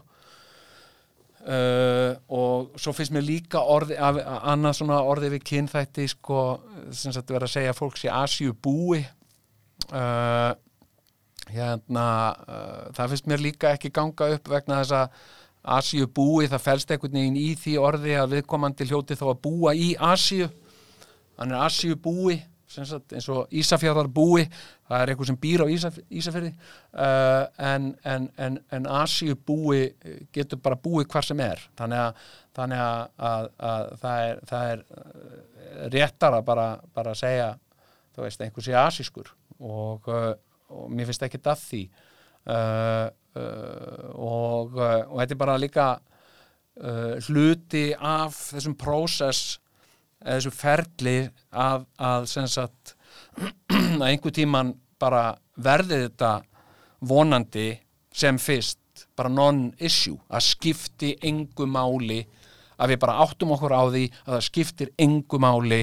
hvernig húðin á þér er á litin. Það bara, það bara skiptir ekki meira máli en hvernig þú veist, skóm þú ert í, það segir ekkert meira uh, segir ekkert meira um þig. En hérna en það er bara ekki þannig og, og þannig að ég vel þú veist, ég nota uh, bara svartur. Ég, ég, þú veist, ég, ég fæ smá uh, ég fæ smá svona uh, ég fæ smá kjánarhótt við að segja blökkumadur hann er, hann er blökkumadur og hérna og hérna uh, þannig að sko uh, og þetta var svona veist, þetta var svona rosalegu vandraðagangur hérna líka varðandi samkynneigða uh, þá voru haldnir alveg óbóslega margir fundir, þá voru mikið að fræðimönnum uh, hérna uh, þar sem að sko uh, hérna samkynneið uh, var, var sko uh, var alltaf að koma með einhver ný, nýjar og nýjar uppástungur að einhverjum orðum uh, sem að sko allt frá kynvillu til kynkverfu og eitthvað svona þú veist og þetta eru bara orðskrýpi þetta er bara svona þetta eru orð sem eru búin til á, á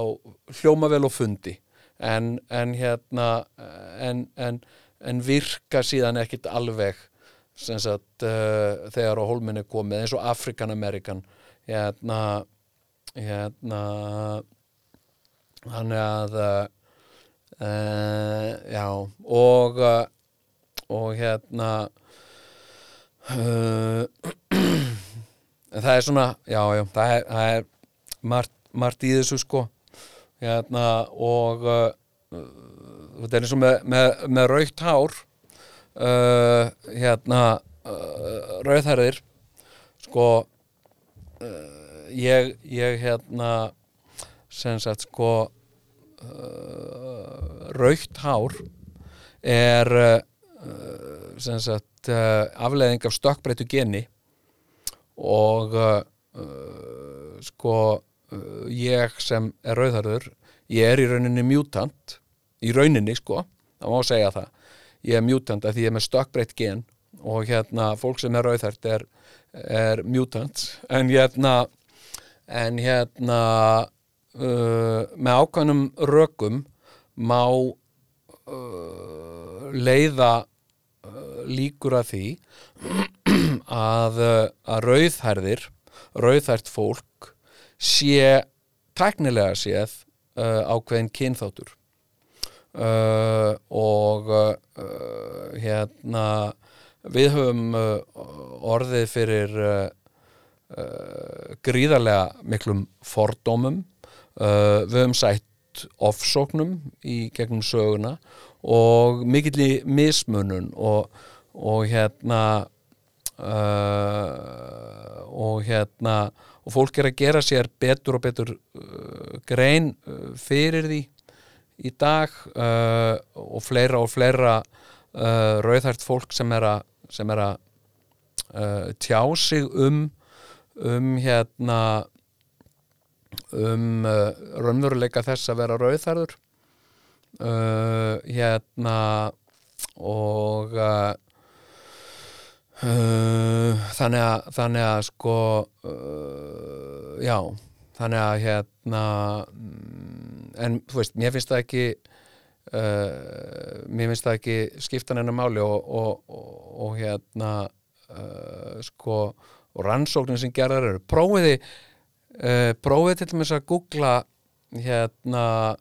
prófiði til dæmis bara að googla á Google leitar orðið red hair og uh, hérna uh, uh, og myndgúgla red hair og fara í images.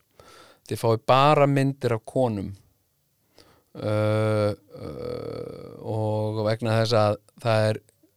það er gerð mikill mismunur það er mikill mismunun á rauðhærðum körlum og rauðhærðum konum hérna uh, rauðhærðar konur eru vergjarnar og blóðheitar uh, hérna og þykja þykja uh, sexy. Uh,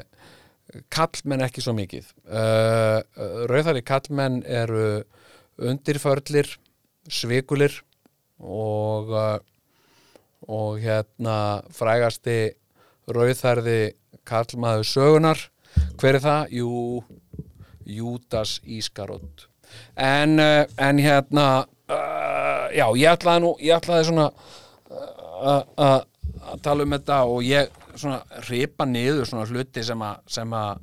sem að hérna uh, svona pyrra mig. En það sem að ég ætlaði nú alveg að uh, ég ætlaði nú að að, uh, að svona uh, uh,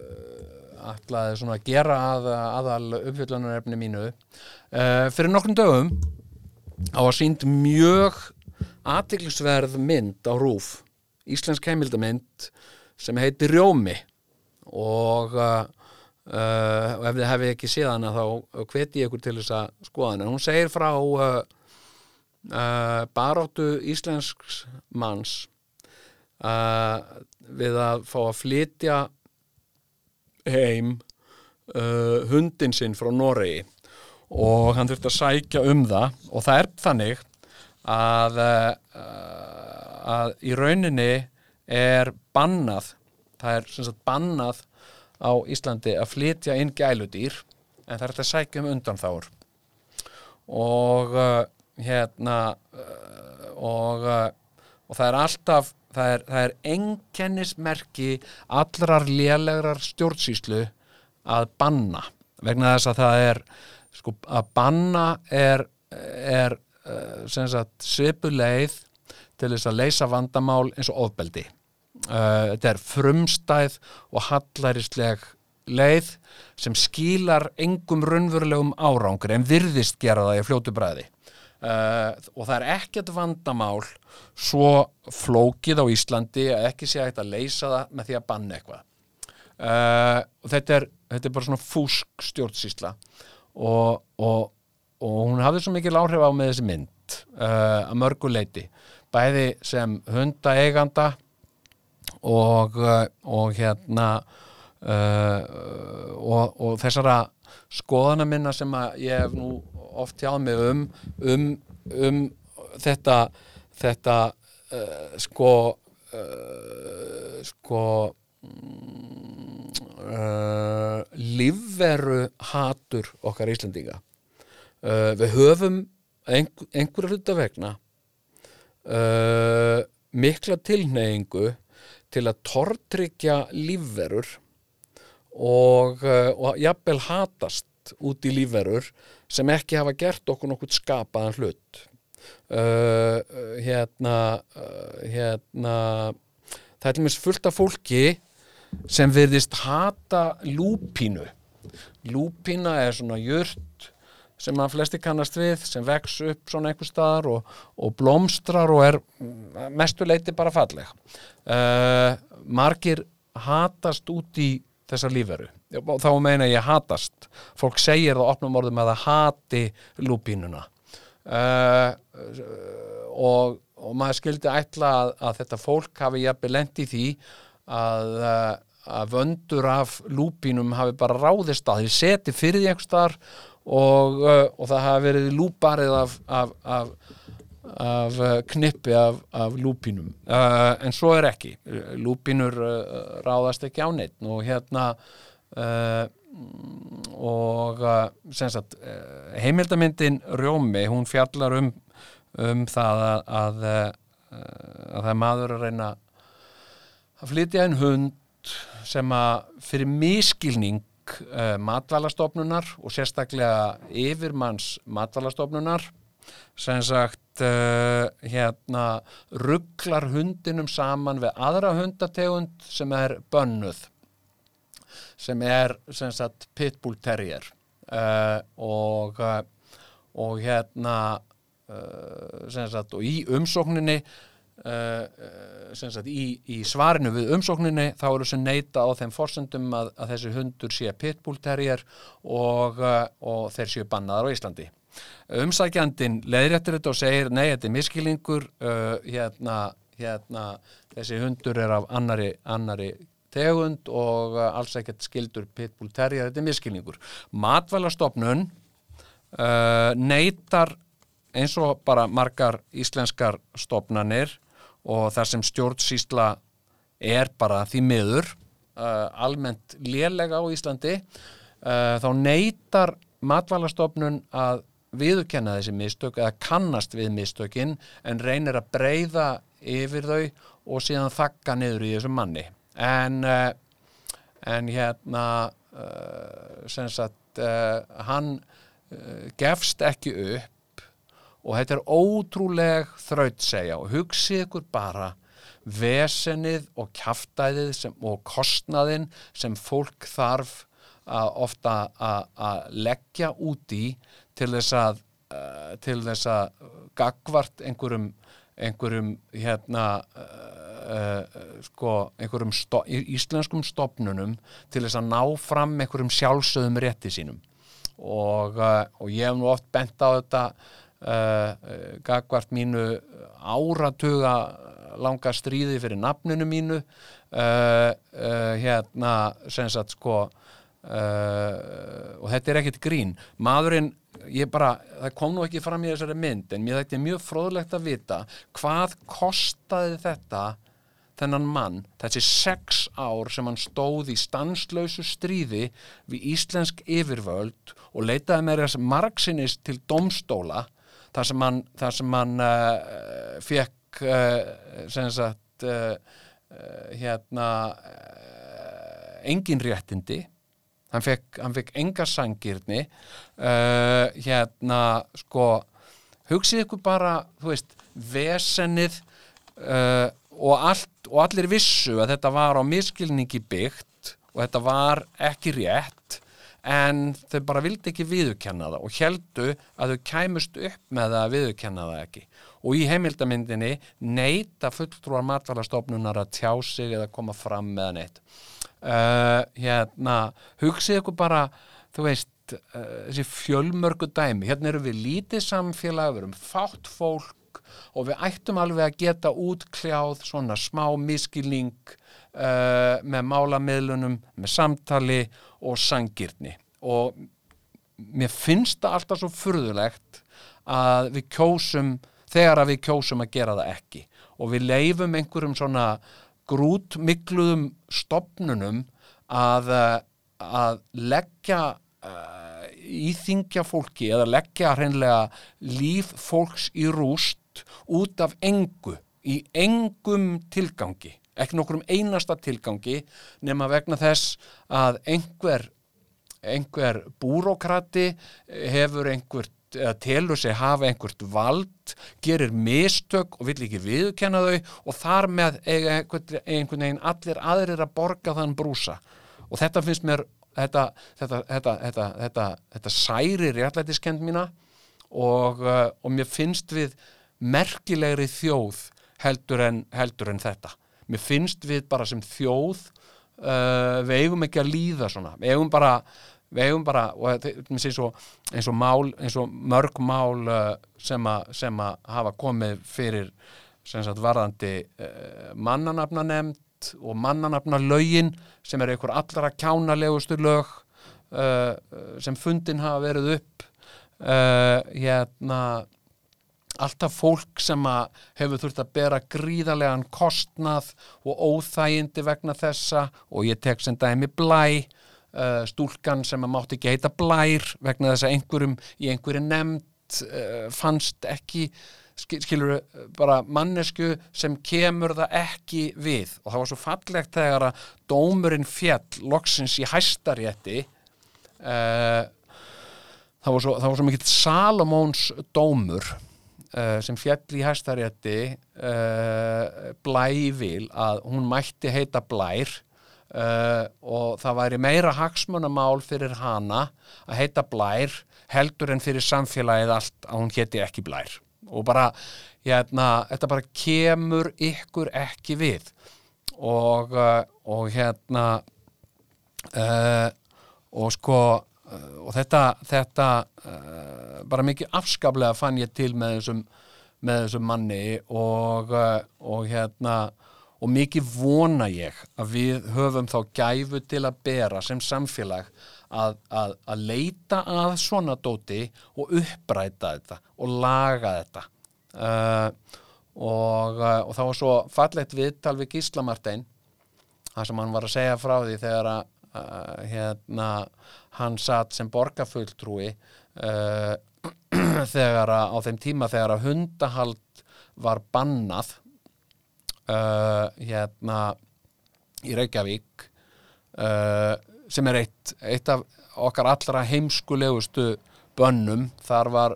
þar var ákveði vandamál uh, sem, var einhver hætta af einhverju veiki sem, að var leist með því að banna hunda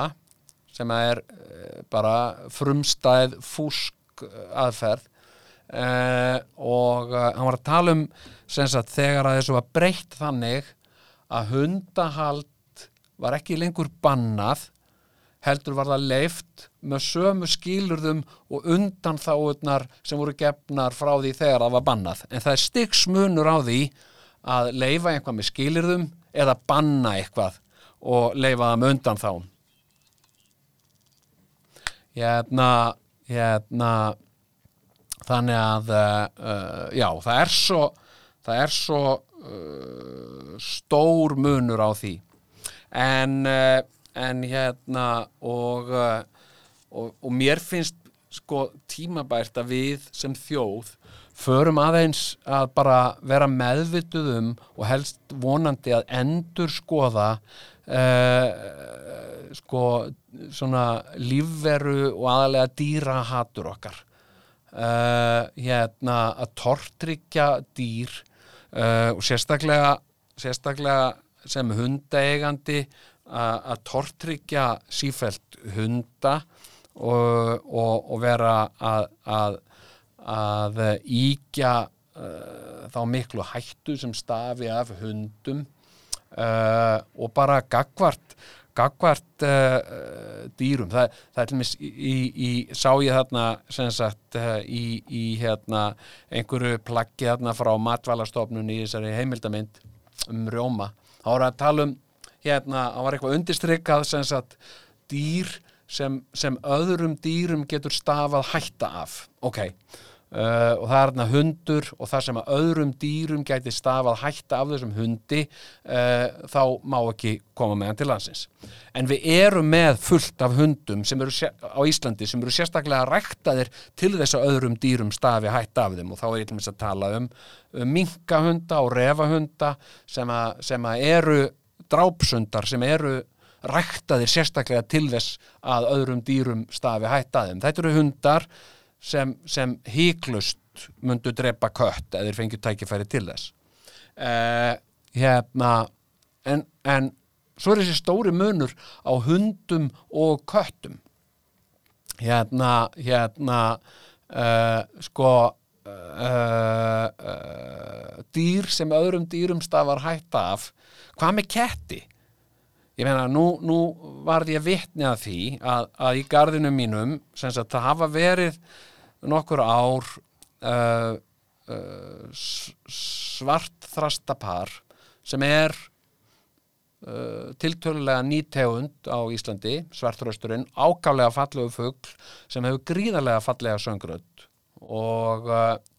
og hérna, svartrösturinn hefur verið að verpa og, uh, og það er par sem hefur verpt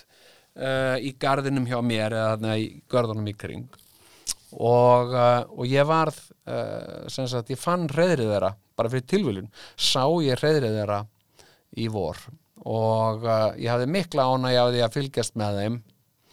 Og síðan einhver tíman þegar ég hafði farið eitthvað burtu í nokkra daga, kom tilbaka uh, þá sá ég að uh, köttur hafði komist í hreðrið og, uh, og hérna og það var allt sundurtætt og, og, og hérna þá er til mig setja setja bjöllur og ketti til dæmis hvað gagnast það ungum í hreðri að það sé bjalla á kettunum, þeir komast ekkert.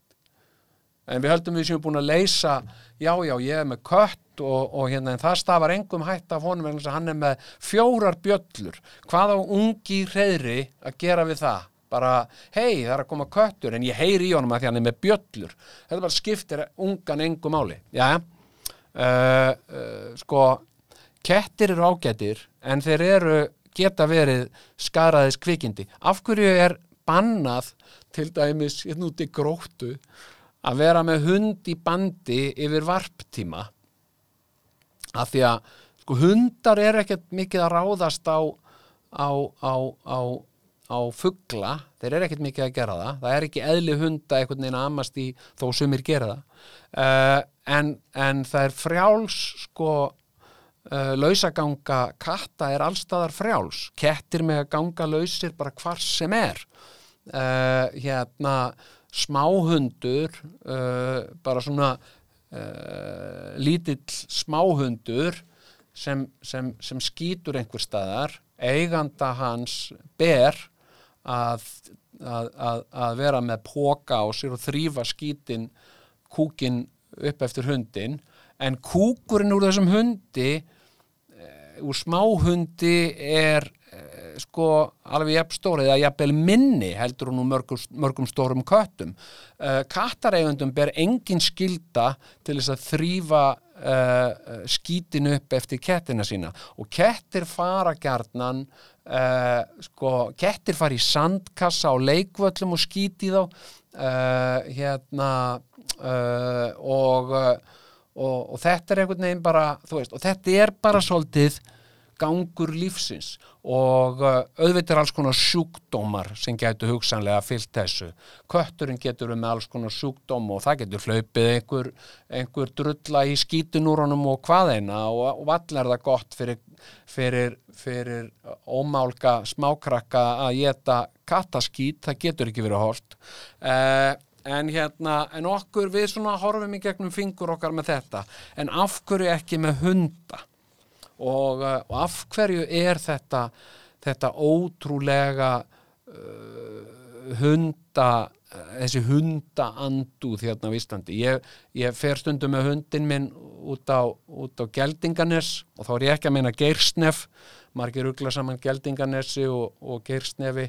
En, uh, en Geldi, Geldinganes er upp í Grái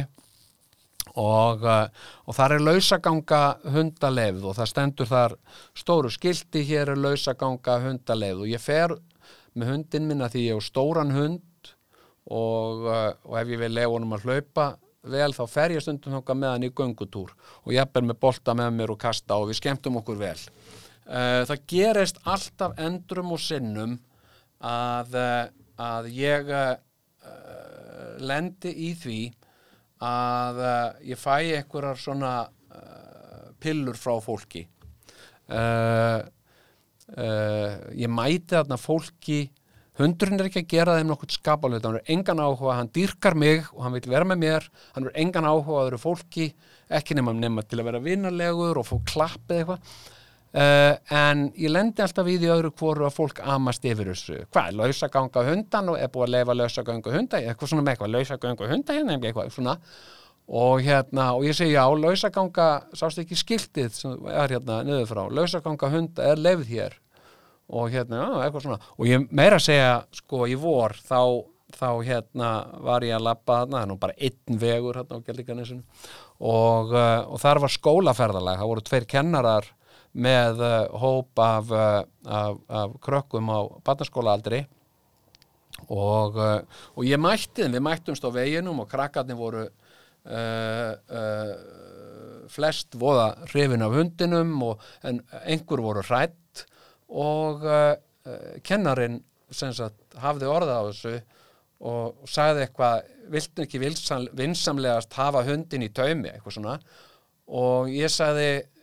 þú veist jújú, jú, ég get alveg gert það hérna ef að, ef að krakkarnir eru, eru rætt við hann og ég bara kallaði í hann og sett hann í taum hérna, en svo stoppaði og talaði við kennaran og ég sagði en þið vitið að lausaganga hunda er lefði hérna og þau vissu það ekki þannig að, veist, hvar liggur ábyrðin? Er ábyrðin mín að vera með lausan hund þar sem lausaganga hunda er lefð eða er ábyrðin þeirra að vera að fara með börn á stað þar sem lausaganga hunda er lefð og það er greinlegt skildi á leiðinni sem þau takk ekki einu svona eftir og mér finnst bara ábyrðin vera þeirra. Uh, og þau eiga ekkert að þvælast með börn þar sem að lausaganga hunda er lefð ef þeim er eitthvað illa við það. Þau get ekki ætlast til þess og, og hérna en þú veist, þetta er svolítið svona og þetta er, þetta er svolítið kerfislægt þetta er, þetta er kerfislægt þetta, þetta, þetta dýra uh, hatur okkar. Uh, þegar ég var alast upp hérna sem, sem, sem, sem drengur og unglingur í Reykjavík þá var Reykjavík uppfull af dúfum og það var ákaflega gaman af dúfunum. Síðan var tekin svo ákvörun hjá Reykjavíkuborg og, uh, og, og, og meindýrafélagi Íslands eða eitthvað að eyða öllum dúfum á Íslandi og það var gert það voru allar dúfur á Íslandi drefnar uh, og, uh, og hérna uh, og öruglega rökstutt með síkingarhættum og, og alls konar eitthvað. En fyrst og fremst fannst mér það bara leiðinlegt. Og mér fannst mikill missir af dúfunum. Og mér finnst alltaf gaman að sjá dúfurnar aðeins vera að koma aftur. Og mér finnst það bara að vera hluti af heilbriðu borgarsamfélagi að það séu dúfur dúfur eru bara uh, lifandi skemmtileg dýr. Og uh, og hérna og sama finnst mér um kaninurnar. Frá því að kaninur byrjuð að vera hérna uh, viltar á ákveðnum stöðum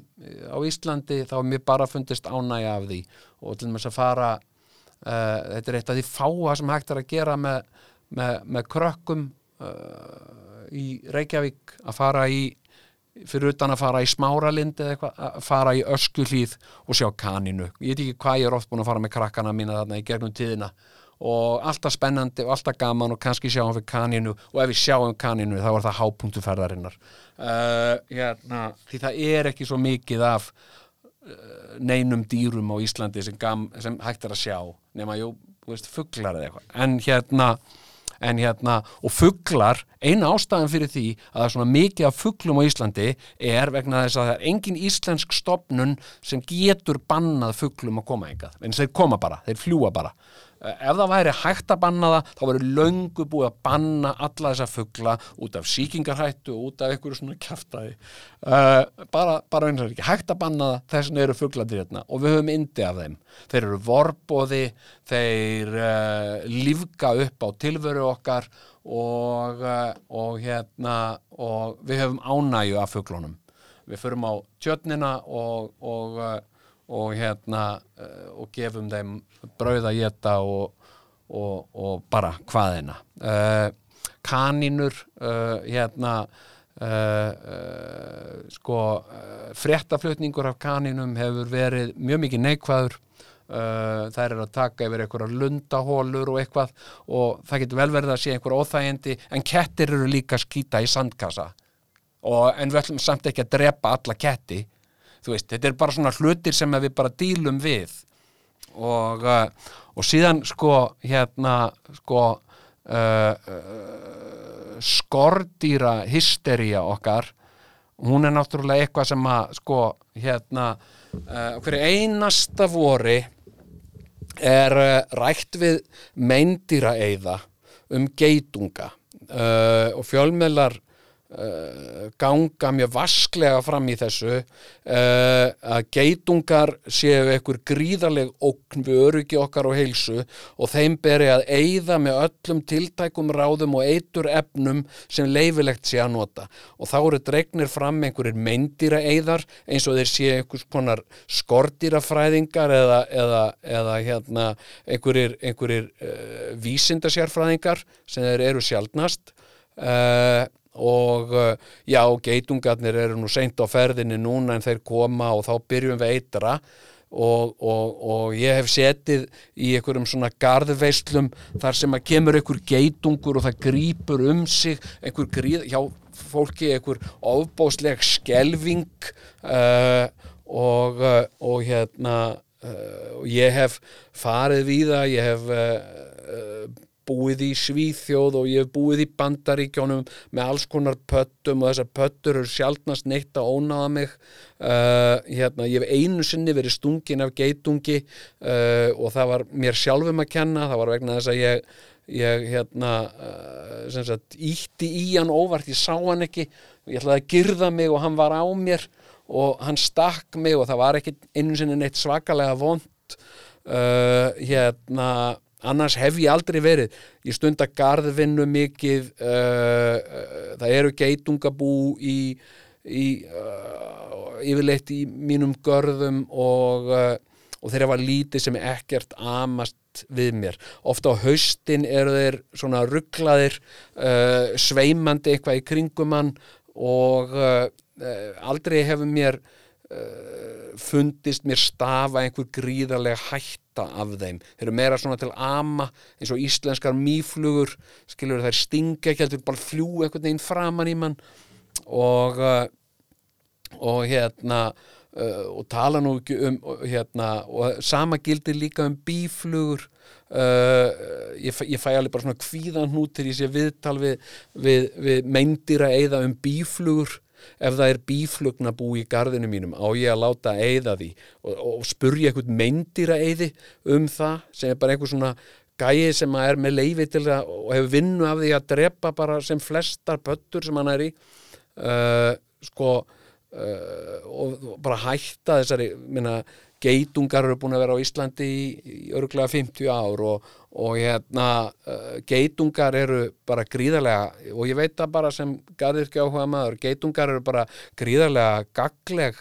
gagle, gaglegar flugur vegna þess að geitungar nærast drepa aðalega svona blaðlís og svona drasl sem eðilegu gróðurinn manns. Þannig ef maður hefur sko, bara gott geitungabú í garðinum þá er það bara fínt mál vegna þess að þá er þeir að reynsa eh, lirfur og drasl sem er að geta laufið af, af trjánum okkar. Og þá getur maður því að eitra það og drepa geitungana ekki bara sleppt þessu og leift bara náttúrunni að vera þarna. Og ég segið og annað líka ótrúlega